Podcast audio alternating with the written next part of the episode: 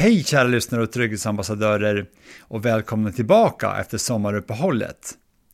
Nu väntar en spännande tid med massor av högintressanta avsnitt av Trygghetspodden.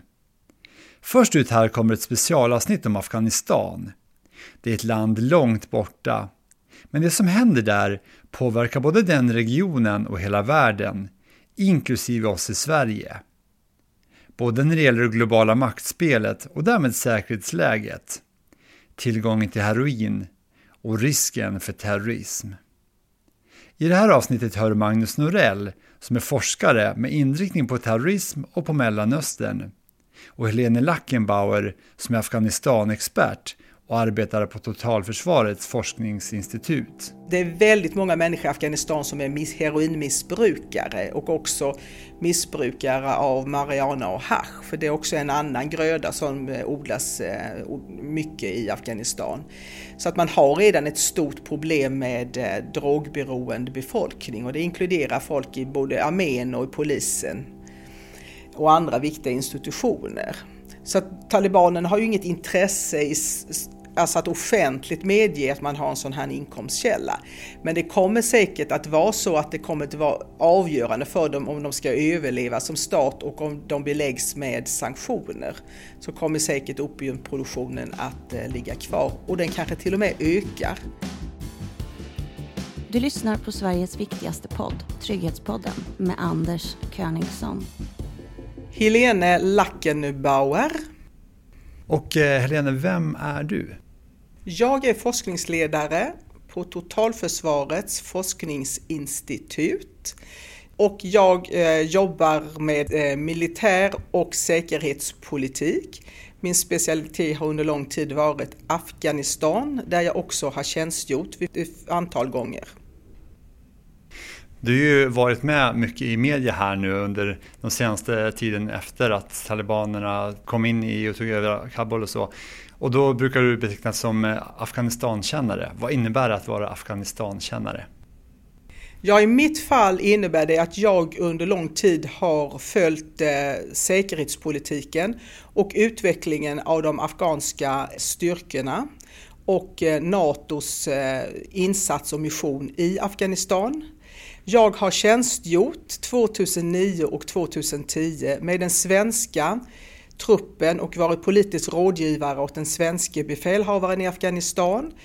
Det uppdraget innebar att jag då eh, företrädde eh, den svenska insatsen och också eh, den dåvarande NATO-insatsen ISAF i samtal med de civila ledarna i norra Afghanistan. Så många av dem som vi nu ser på TV eller ser i sociala medier som är, var regeringens representanter de har jag då fört samtal med. Jag har också genomfört en rad studier i Afghanistan. Det har varit eh, på uppdrag av NATO.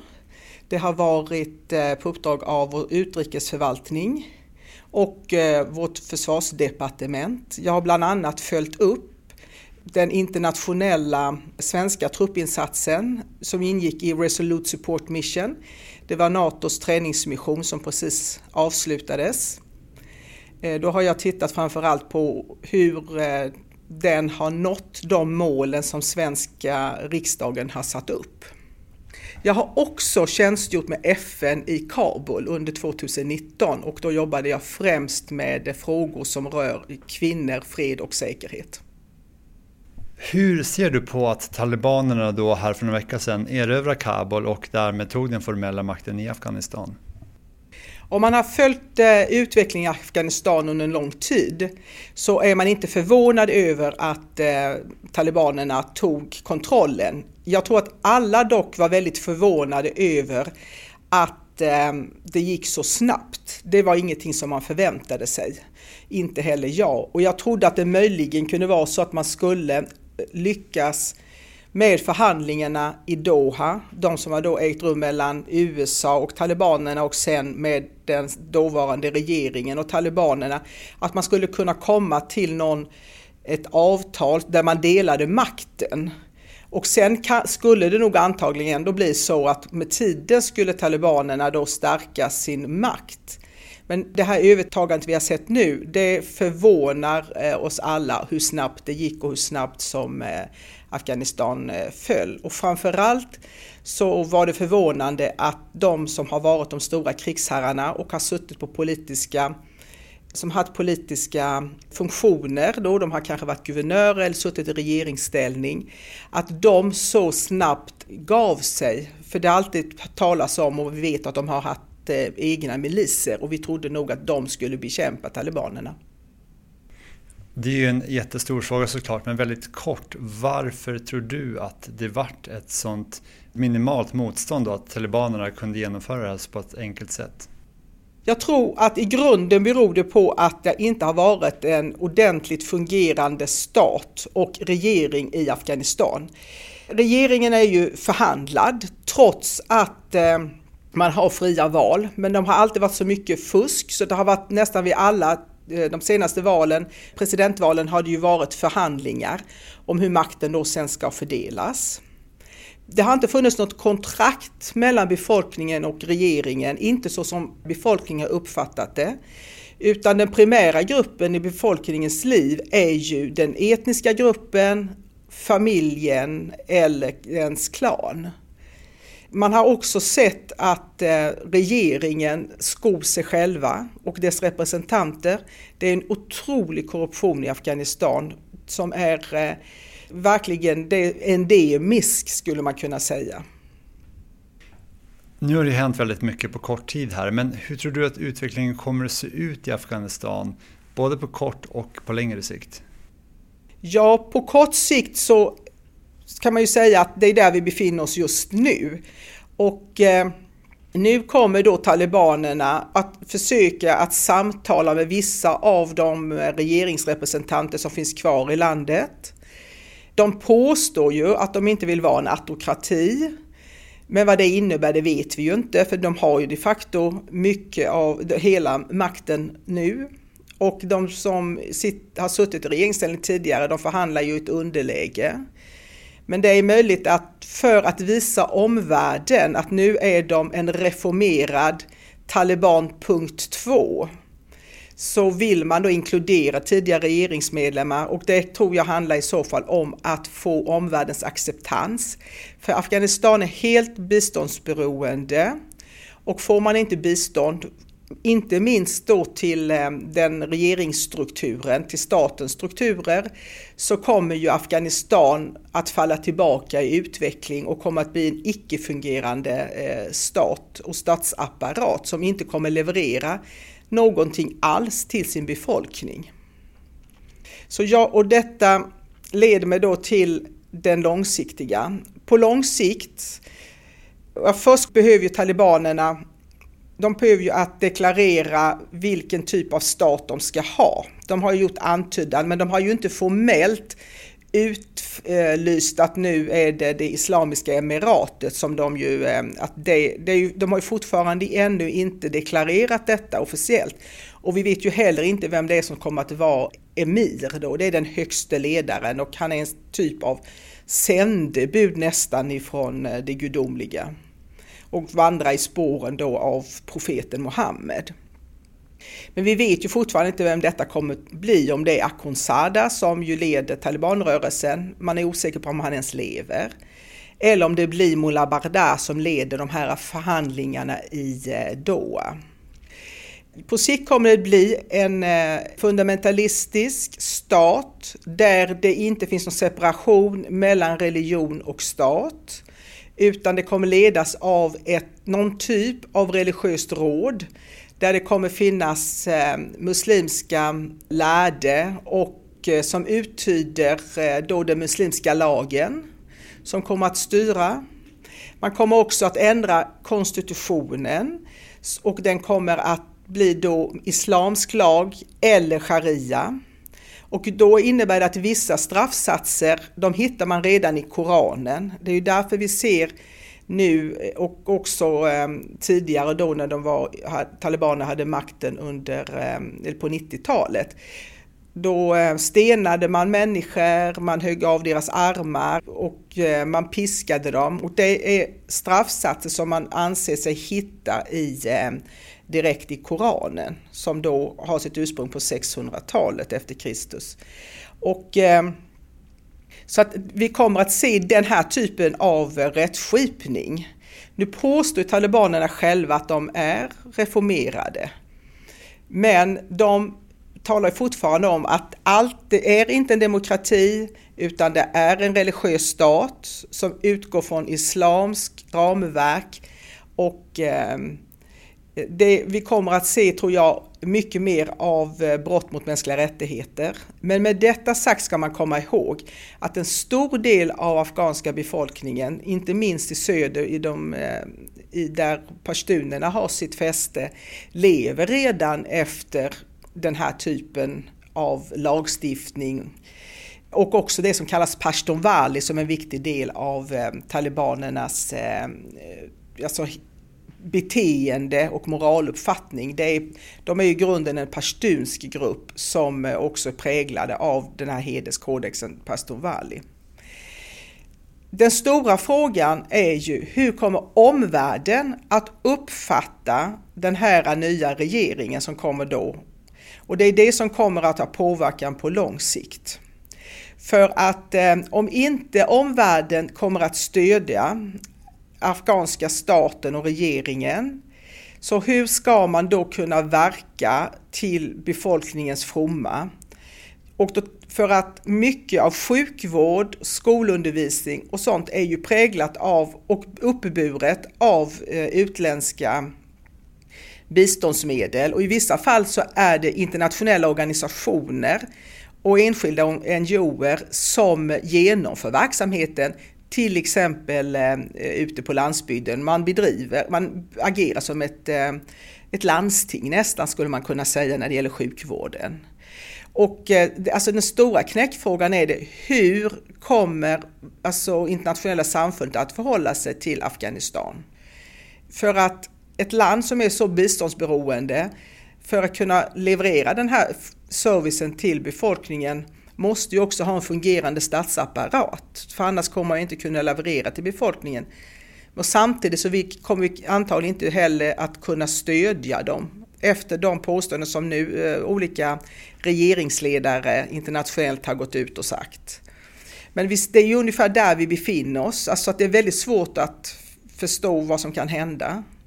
Vi vet dock, och det är väl därför som eh, talibanerna kunde expandera så fort och med sånt eh, förtroende. För trots att internationella samfundet sa att ja, tar de Kabul med våld och landet med våld, då blir det sanktioner och vi kommer ta bort vårt stöd. De fortsatte ju ändå, trots de här påståendena då, eller hoten.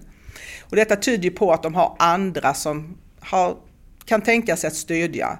Och då är det framförallt tre stycken egentligen. Eh, då är det Ryssland som ju har betydande intressen i Afghanistan och de har ökat under de här 20 åren. För de var inte så intresserade av Afghanistan efter det stora magplasket de själva gjorde under Sovjettiden. Men de har ökat sitt intresse och det finns olika anledningar. Men ett intresse har ju faktiskt varit USAs närvaro eftersom spänningen mellan länderna har ökat. Och det andra är Kina, de har stora ekonomiska intressen. Och eh, de har också, precis som eh, Ryssland, ett intresse av att hålla tillbaka terrorismen som eventuellt skulle kunna få ökat fäste i Afghanistan, typ Al-Qaida eller andra terroristorganisationer som finns runt om i regionen, till exempel i de här um, länderna som Uzbekistan och Tadzjikistan. Och Kina är ju framförallt intresserade av att hålla nere de grupperna som de uppfattar som ett hot som har sitt ursprung i Xinjiang, bland uigurierna. Så att eh, det finns många intressen, men Kinas intre, djupa intresse är ju ekonomiskt och de har under många år köpt upp koncessioner och gruvrättigheter i Afghanistan och är väletablerade där nu. Och det finns många gruvor som de driver redan. Afghanistan har ju naturtillgångar som är oexploaterade och det påstås att de har en av världens största tillgångar av litium som ju vi är väldigt beroende av i våra digitala system. Så att det är möjligt att Kina är också en av deras nya sponsorer. Talibanerna var i Peking för bara någon månad sedan och då pratade deras vice utrikesminister om att nu är att eh, alltså kinesernas vice utrikesminister om att nu är det försoning med talibanerna och de såg dem som vänner. Och det skilde sig väldigt mycket från talet som man hade hållit i samband med att den vice eh, utrikesministern i USA var där. där han, som han kritiserade och kritiserade då USA. Så att det här tyder ju på att eh, talibanerna antagligen har uppbackning av de här två stora aktörerna. Till detta kommer ju också Pakistan. Pakistan har ju varit inblandad i Afghanistan hur länge som helst. Och deras intresse har ju också, är också relaterat till deras konflikt med Indien. Men de har ju upp, deras underrättelsetjänst ISI har ju under lång tid backat upp talibanerna i Afghanistan och eh, nu kommer väl kanske staten att ytterligare utvidga sitt stöd till Afghanistan. För detta är ju ett intresseområde som eh, eh, Pakistan har, inte minst då i konflikten till eh, Indien. För Afghanistan har relativt bra relationer till Indien. Så att eh, vad vi kommer se på lång sikt är ju att antagligen då, det är ju att eh, USAs inflytande i regionen, och då menar jag hela regionen, kommer att minska. Rysslands och Kinas inflytande kommer att öka. Och det här är också kopplat till andra infrastrukturprojekt som finns i regionen, till exempel Kinas eh, nya sidenväg, den här stora, stora Beltway som de säger, som de bygger då va, genom Asien. Men det finns också intressen som vill ta, gå genom Afghanistan för att eh, till exempel med naturgas till Pakistan. Så att det finns en rad olika infrastrukturintressen också från de här eh, olika aktörerna som gör att eh, makt, vi kommer se en helt ny geopolitisk karta i världen. Och kopplar man det då också till det faktum att eh, USAs inflytande i Mellanöstern har minskat så innebär det ju verkligen att Kina och Ryssland har stärkt sitt inflytande ytterligare i eh, Centralasien och då kan man koppla till att då har de ju väldigt, de har de ett inflytande som sträcker sig då från den här regionen ända till Medelhavet. Det här är ju väldigt stora frågor och som du var inne lite grann på också det här med Mellanöstern och Syrien och så. Så att det verkar som att USA är på tillbakagång på flera håll i världen och Ryssland och Kina är på framväxt. Hur kommer det här påverka västvärlden och då även Sverige tror du? Ja, västvärldens eh, inflytande på den eh, internationella arenan kommer ju givetvis att eh, påverkas och deras möjlighet att agera, inte minst då i säkerhetsrådet som redan är komplicerat på grund av länderna som har veto. Men det kommer ju också innebära att frågor som är viktiga för väst, som demokratisk utveckling, respekt för mänskliga rättigheter, utveckling när det gäller alltså socioekonomisk utveckling i de här länderna eller i länder runt omkring, det kommer ju bli mycket svårare att driva och framförallt gäller det ju demokratifrågorna som ju väst anser är avgörande för att man ska kunna ha en, en ordentlig och hållbar utveckling i världen där individens fri och rättigheter respekteras. Det kommer definitivt att påverkas och möjligheten att driva den här typen av frågor. Vi kommer antagligen att se också att eh, både Kina och Ryssland kommer att ha möjlighet att eh, driva fram sina intressen på den internationella arenan och eh, också kunna skapa ytterligare allianser som är, förespråkar en mer repressiv och icke-demokratisk linje. Kommer det här då i sin tur få någon direkt påverkan eller indirekt påverkan på oss även i Sverige? Jag tror att det vi kommer se först är att möjligheten att påverka det internationella samfundet med frågor som är viktiga för Sverige och då är det ju de här frågorna jag nämnde tidigare. Demokrati, mänskliga rättigheter och inte minst kvinnors rättigheter som ju har varit en väldigt eh, central fråga för eh, svensk utrikespolitik.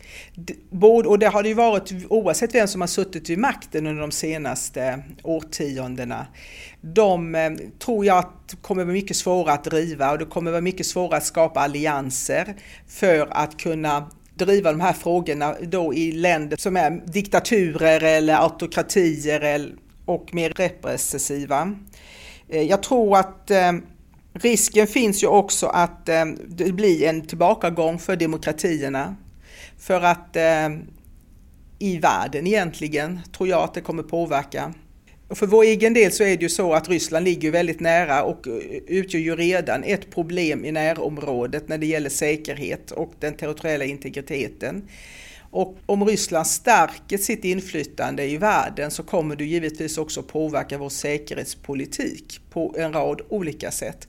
Jag är ingen Rysslandskännare så att jag eh, kan inte elaborera så mycket mer men det kommer givetvis att det påverkar oss när det gäller just relationen till Ryssland, definitivt kommer det göra det. Och det kan, antagligen så blir det så kommer vi ju se att Ryssland kommer öka sin eh, intressesfär runt om i världen från det var de befinner sig nu också. Mycket av, eh, av den politik som Sverige har drivit då när det gäller demokrati och mänskliga rättigheter, det är ju kopplat också till att en stormakt som USA också har haft ett gemensamt intresse.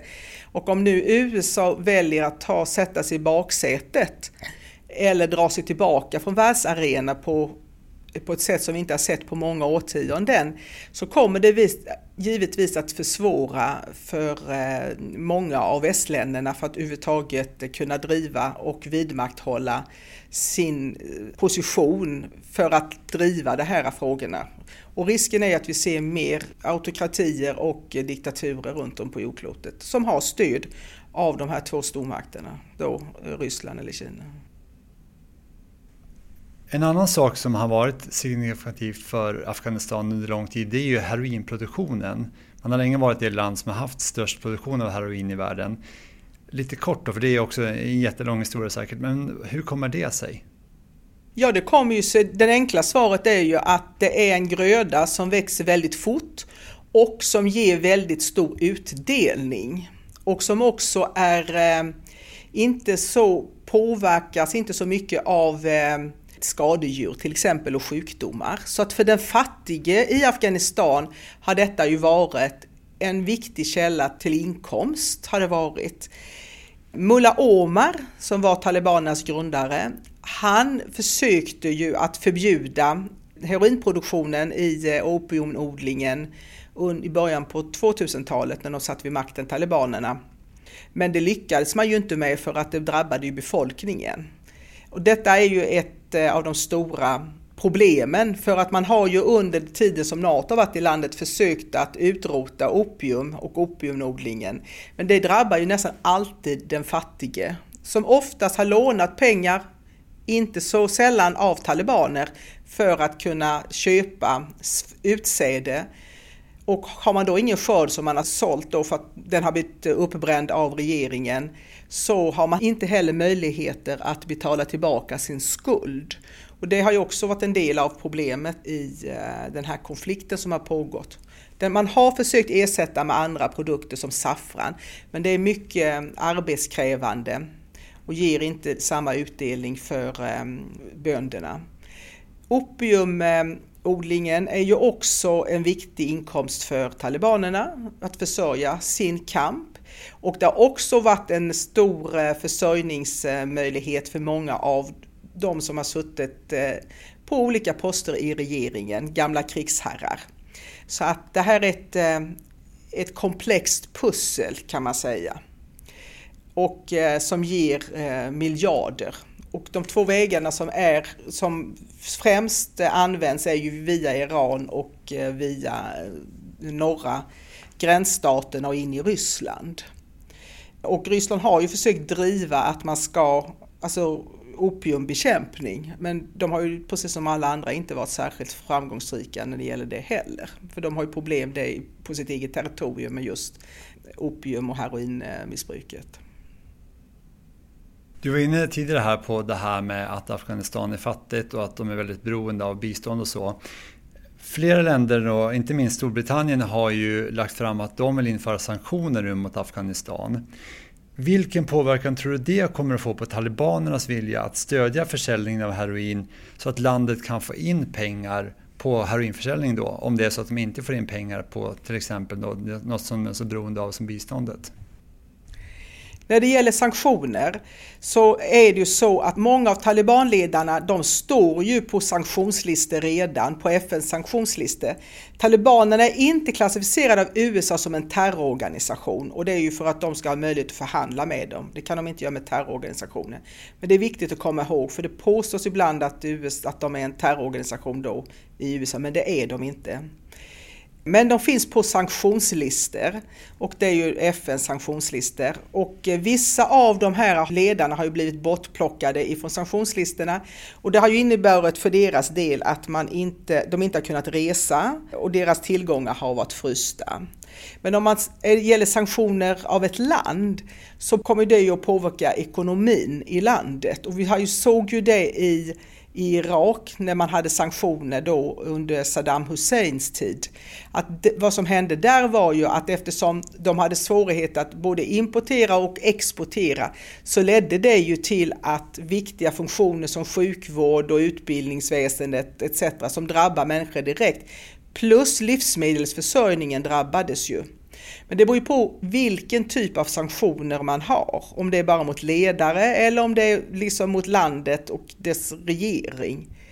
Om det blir sanktioner av den typen man en gång hade i eh, Irak så kommer det bli väldigt komplicerat för Afghanistan som redan har problem med livsmedelsförsörjning. Det är ju inte bara så att de har varit ett land i krig sedan 1979 utan det är också ett land som du sagt väldigt fattigt. Jordbruket är inte särskilt välutvecklat. Man har inte någon e- enorm export som är, kan främja utvecklingen utveckling i landet. Och man är utsatt för rätt mycket naturkatastrofer. Just nu pågår det ju en svår torka som ju har drabbat eh, livsmedelsförsörjningen. Så att om det blir sanktioner som påverkar livsmedelsförsörjningen så kommer det vara förödande för befolkningen. Då kommer vi se, och vi ser ju redan nu början på en humanitär katastrof. Talibanerna talar ju om att ja, men vi har nu så mycket mineraltillgångar och olika naturtillgångar så att det ska inte vara något problem att försörja staten Afghanistan. Men de här naturtillgångarna de är ju oexploaterade så att det kommer ta otroligt lång tid innan man får igång en produktion som gör att den bidrar till BNP i landet. Och också det här att den internationella samfundet lämnar Afghanistan nu, alltså springer, rusar ut ur landet, innebär ytterligare att det påverkar den afghanska ekonomin för det är ju otroligt mycket pengar som har gått in i den afghanska ekonomin genom att du har så mycket utlänningar som, och utländska organisationer som har haft lokalanställda som haft sin försörjning i verksamheten. Men sen har du också restauranger och handel i städer som, ju, som de man har, internationella har bidragit till under de här 20 åren. Så det är ytterligare en sån faktor. Så den här viljan då att använda heroinförsäljningen som intäktskälla utifrån det här du har sagt nu, hur tror du att den kommer att se ut? Kommer den att ligga lockande där för talibanerna att börja till exempel då odla och sälja ännu mer för att få in mer intäkter? Jag tror inte att talibanerna kommer att gå ut offentligt och säga att en viktig exportkälla och inkomstkälla är eh, opiumodling. För att de håller sig kluvet till detta gör de ju. De har ju inget intresse av i enlighet med sin eh, uttolkning av islam att ha en stor opiumproduktion. För att man ska komma ihåg också att det är väldigt många människor i Afghanistan som är heroinmissbrukare och också missbrukare av marijuana och hash. För det är också en annan gröda som eh, odlas eh, mycket i Afghanistan. Så att man har redan ett stort problem med eh, drogberoende befolkning och det inkluderar folk i både armén och i polisen och andra viktiga institutioner. Så att talibanerna har ju inget intresse i Alltså att offentligt medge att man har en sån här inkomstkälla. Men det kommer säkert att vara så att det kommer att vara avgörande för dem om de ska överleva som stat och om de beläggs med sanktioner. Så kommer säkert opiumproduktionen att eh, ligga kvar och den kanske till och med ökar. Och särskilt nu när vi vet att eh, mycket av strukturerna överges ju eh, som har upprätthållits av internationella nu och då behöver man ersätta det på något sätt. Eh, talibanerna har ju andra inkomstkällor också. Dels har de ju stöd av eh, mäktiga i eh, Gulfstaterna. Men de har ju också intäkter från gruvindustri som finns i landet. Om det nu blir så att de då ändå, även om de såklart inte kanske går ut med det, att de ökar heroin, eller opiumförsäljningen så att det blir mer heroin då i västvärlden inklusive Sverige. Hur tror du att det kommer att påverka då västvärlden då och Sverige? Ja, om de ökar eh, opioproduktionen så kommer ju heroinet eh, att bli mer vanligt i vår del av världen för då måste ju smugglingen också öka och införseln av, den, av heroin i eh, väst kommer eh, att öka. Och med sannolikt med ökad produktion innebär också sänkta priser. Det är lättare att få tillgång till det i väst och det blir billigare dessutom för den som missbrukar. Och det kommer givetvis sociala följder i eh, våra länder. En annan fråga som diskuteras mycket är ju det här med om det kan komma en stor flyktingvåg från Afghanistan nu. Hur tror du att det kommer att bli med det? Ja, det pågår ju just nu en Eh, något vad, eller vad jag skulle kunna kalla en flyktingvåg av de människorna som försöker ta sig ur landet. Och det är ju framförallt alla de personerna som har jobbat inom FN-systemet, inom de internationella organisationerna som har stött NATO och USA. De försöker nu att ta sig ut ur landet och eh, många av de här har ingen hjälp av någon stat och har inte heller några uppehållstillstånd i eh, andra stater. FN-systemet till exempel, de evakuerar inte sina lokalanställda utan de måste själv hitta olika vägar. Och det som har hänt nu är ju att det har utvecklats eh, privata initiativ av människor som har jobbat internationellt eller som har varit varit militärer eller till specialstyrkor som nu försöker hjälpa de här personerna ut ur Afghanistan. Så det pågår just nu kan man säga en flyktingkatastrof. Men detta är ju människor som då är välutbildade och har kontakter med individer som mig till exempel då, som har andra kontakter i det internationella systemet som eventuellt skulle kunna hjälpa dem. Men det stora problemet är ju för de många eh, afghanerna som inte har någon ekonomi egentligen att ta sig till väst. Och de kommer ju med stor sannolikhet att ta sig till Pakistan eller Iran. Det här är ju två länder som är klassiska flyktingländer för afghanska flyktingar. Och eh, när det var som mest på 90-talet så var det ju 6 miljoner afghaner i de här flyktinglägren runt i regionen. Kommer det komma eh, en stor flyktingvåg till väst? Med stor sannolikhet Kanske inte, för att väst har stängt sina gränser. Vi vet ju att Belarus nu har eh, som ett politiskt drag släppt eh, in flyktingar i eh, Litauen. Men med stor sannolikhet kommer man att, kommer ju e- Europeiska unionen att försöka hantera situationen så att inte man ökar flykt, de här spontana flyktingströmmarna. Och jag tror att det kommer vara otroligt svårt för eh, människor att ta sig den här vägen den här gången. Däremot så är det ju inte omöjligt att eh, olika länder använder flyktingvågor som ett politiskt medel som vi ser i Belarus nu till exempel. Ryssland, Turkiet är ju också sådana länder som man skulle kunna tänka sig att de av egen intresse släpp in flyktingvågor i väst då för att ehm, eh, på olika sätt påverka eh, utvecklingen och politiken. Men jag tror inte att de stora strömmarna egentligen kommer till väst så som vi, som vi såg 2015 utan jag tror att eh, människor kommer hamna i flyktingläger i närområdet runt eh, Afghanistans gränser. Vid 11 september-attackerna mot USA 2001 hade terrororganisationen al-Qaida fått en fristad hos talibanerna i Afghanistan. Vilket var anledningen till att USA sedan invaderade landet och att de sedan blev kvar fram till nu. En fråga som många därför ställer sig är Hur kommer talibanernas maktövertagande i Afghanistan att påverka risken för terrorism i världen? Och en som vet mer om det är Magnus Norell. Magnus? Ja, hej Magnus, det här var Anders från Trygghetspodden. Ja, tjena. Hallå, hallå. För den som inte lyssnade på avsnitt 61 när du medverkade i Trygghetspodden eller inte känner till dig sen förut, lite kort, vem är du? Ja, jag är statsvetare. Jag skrev en doktorsavhandling om eh, israelisk eh, politik för många år sedan. Har en bakgrund på Säpo och MUST, där jag jobbade som analytiker, varit lärare på Försvarshögskolan och eh, forskare på FOI. Och eh, sedan ett drygt decennium så är jag oberoende fristående forskare med, knuten till en eh, forskningsinstitution i Washington, The Washington Institute for Near East Policy och ett policyinstitut i Bryssel, European Foundation for Democracy. Just det, och vilken erfarenhet har du av Afghanistan?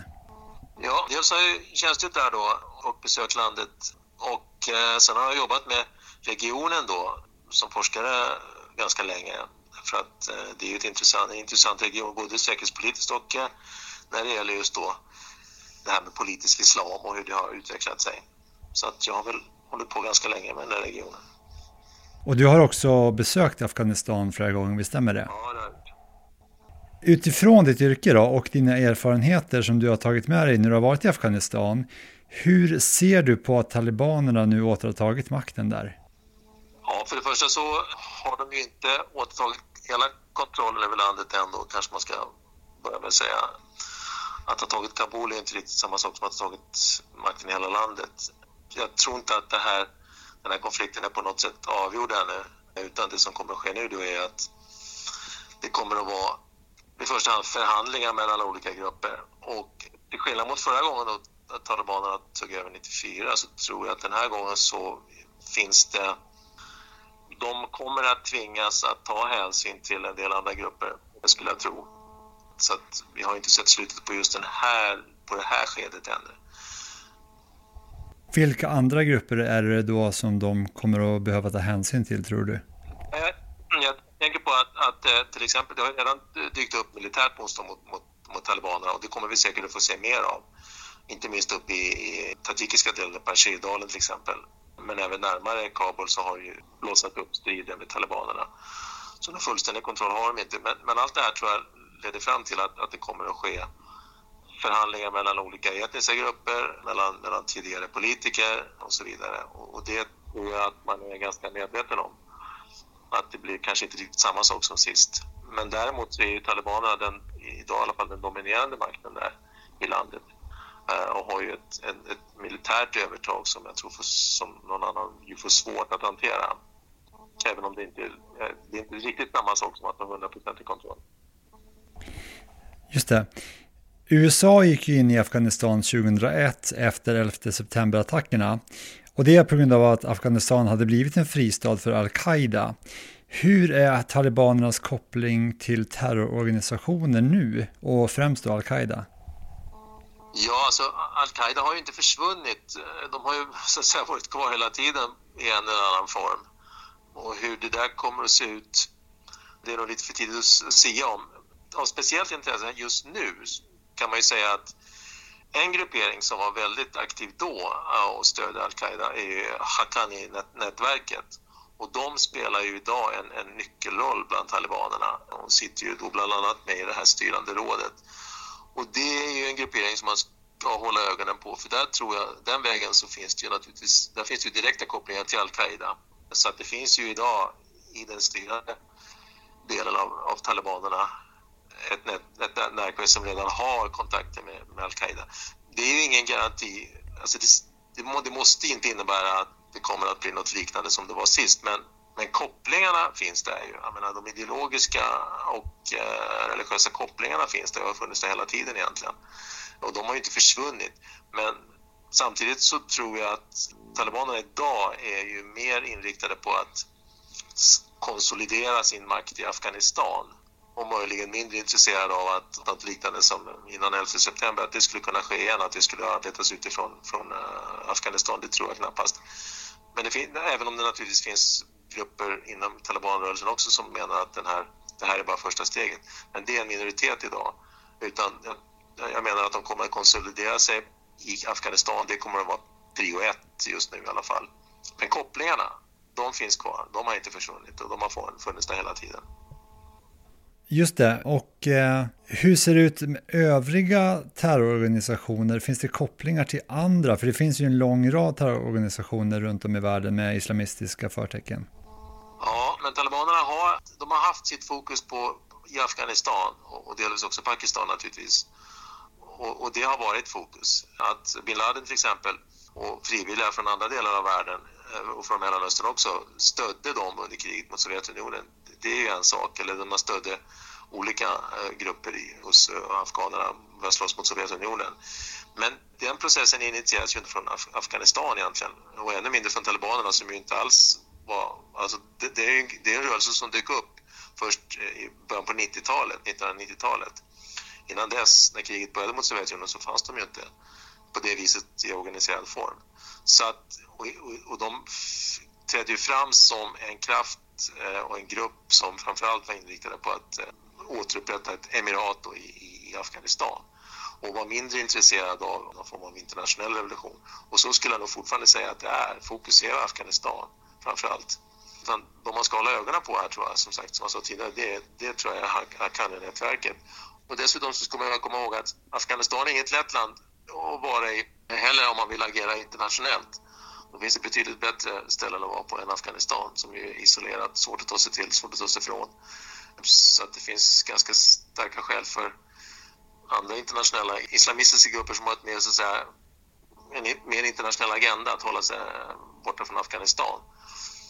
Vad som kan dyka upp och som jag tror också kommer att dyka upp det är ju då att, att Afghanistan kan fungera som en sorts, vad ska vi kalla det, reträttbas för eh, vissa grupper och då, då ligger ju al-Qaida närmast eftersom det redan finns kopplingar med Haqqani-nätverket eh, redan idag. Men i övrigt så tror jag inte att, att platsen rent logistiskt är, är, är så, så där speciellt bra om man ska agera internationellt. Det här Hakan-nätverket då som du nämnde jättekort, vad är det för någonting? Ja, det, är, det var en, en gruppering då eh, och ledaren hette Hakani som, som också dök upp som en spelare under Sovjetunionens ockupation av Afghanistan och som mycket framgångsrikt det slogs mot, eh, mot, mot Sovjetunionen och då sen när att ryssarna hade dragit sig tillbaka då, eller Sovjet dragit sig tillbaka mot den sittande kommunistregimen. Och de har ju fortfarande kontakter Eh, i Pakistan. Man har byggt upp under åren då en, en ganska kraftig bas i Afghanistan, en stark bas i Afghanistan ska jag säga och har i den mån det har behövts, så att säga lierat sig med talibanerna då och eh, varit med på det här tåget då, det här framgångsrika tåget eh, de senaste åren. Man har bidat sin tid skulle jag vilja säga lite grann och låtit talibanerna så att säga leda den här kampen mot den utländska närvaron i Afghanistan och så kan man då spela ja, lite mer bakom kulisserna det är en av de mest välbeväpnade grupperna i Afghanistan idag. Och som sagt, den unge Hakani som idag leder nätverket, han, han har en roll att spela här när det gäller den framtida regimens utseende skulle jag tro. Och det är nog en plats som de inte gärna släpper. Så att, eh, det är en viktig spelare i det här. Och de står lite Alltså det, de kallar sig eh, Haqqani-nätverket därför att det är ett nätverk som inte är helt underställda talibanerna, men de har lierat sig med dem men är så pass viktiga, skulle jag säga, så att talibanerna måste lyssna på vad de säger. Okej, så det var al-Qaida då och eh, de står då talibanerna närmast. Men hur är det till exempel med IS? Skulle de kunna se att de kan ta sig dit också? Eller hur ser du på det? Alltså, IS har ju också funnits i Afghanistan sen, sen man, man bildar en, sort, en del av, av, IS i Afghanistan men de är inte några såta vänner med, med, med talibanerna och har inte varit. Det har varit strider mellan IS och eh, talibanerna. Och det i, i, Afghanistan så är det en, en, ganska liten grupp just nu, eller den är en liten grupp nu. De har inte någon stor, någon stark position i Afghanistan. Och jag har lite svårt att se att, att de skulle kunna agera mer än vad de redan har gjort så att säga. Det var lättare för dem under Jag tror att det, blir, att det, kan bli svårt under ett talibanstyre om nu talibanerna får den här kontrollen som man vill och speciellt om det blir någon form av uppgörelse med andra grupper i Afghanistan så kommer utrymmet för IS att vara ganska litet. Och det är lite samma sak där som jag var inne på tidigare här, att det handlar om att det är ingen idealisk plats att vara på om man har en internationell agenda så att säga, om man vill agera internationellt och det vill ju Islamiska staten.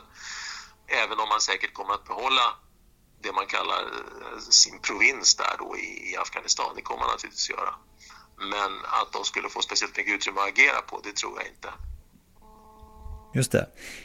Hur ser man på det här som har hänt i Afghanistan bland andra islamistiska terrororganisationer runt om i världen då? Får de blodad tand och bli inspirerade eller hur ser det ut? Ja, alltså det här kommer ju att eh, betecknas som en seger för, för islam mot väst såklart. Så är det ju. Och det är klart att eh, det kommer att gynna de krafter som redan motsätter sig ett närmande till väst eller en reformering av islam eller vad du vill. Så ur den synpunkten så är det här naturligtvis eh, väldigt allvarligt, så är det.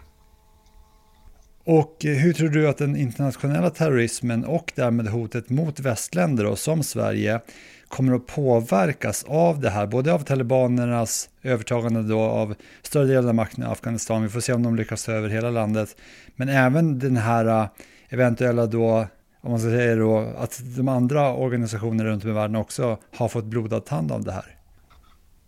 Ja, snarast det senare du nämnde tror jag, alltså att, att, andra, att andra grupper kan få se att, att det går att besegra väst så att säga.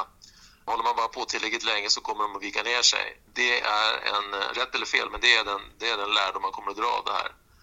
Talibanerna i sig, som sagt, alltså de hjälpte bin Laden och de hjälpte al-Qaida men de detaljstyrde dem inte. Men jag tror att den läxan man fick då efter eh, 2001 då, och eh, den invasion som kom efter 9-11, den, den har man ju lärt sig. Så att talibanerna är inte i första hand intresserade av någon världsrevolution här utan man är intresserad av att konsolidera sin position hemma. Så det är två delar. För talibanerna så tror jag inte att det kommer att... De är inte intresserade av att bedriva något krig runt om i världen. Men, men för andra grupper så kommer det här att ses som en seger för att det lönar sig att slåss mot, mot väst, så att säga, mot det ogudaktiga väst. Och, och det är där då jag skulle säga att, att risken eller den större faran är med någon form av annan, andra grupper som agerar utifrån det här och då ser man det här som en, om de kan så kan vi också, lite grann så. Just det. Och slutligen då, utifrån det här du sa nyss, hur tror du att den svenska regeringen och andra makthavare i Sverige kommer att agera för att förhindra att det sker nya terrorråd i Sverige om det nu finns en risk för ökad terrorism? Ja, för det första så, så, så är det ju inget kausalsamband nödvändigtvis som man sa. Det, det, Huruvida det kommer att öka terrorrisken för Sverige, det vet vi inte än. Men jag har alltså... jag har, Sverige har inte utmärkt sig på något sätt när det gäller att agera så där. Jag har svårt att säga att man ska ta till några speciella åtgärder på grund av det här överhuvudtaget alls. Alltså, Sverige agerar ju främst internationellt i, i kollektiva sammanhang, så att säga, via EU eller FN och så kommer det nog fortsätta vara. Du har hört ett avsnitt av Trygghetspodden. Fler avsnitt finns på trygghetspodden.se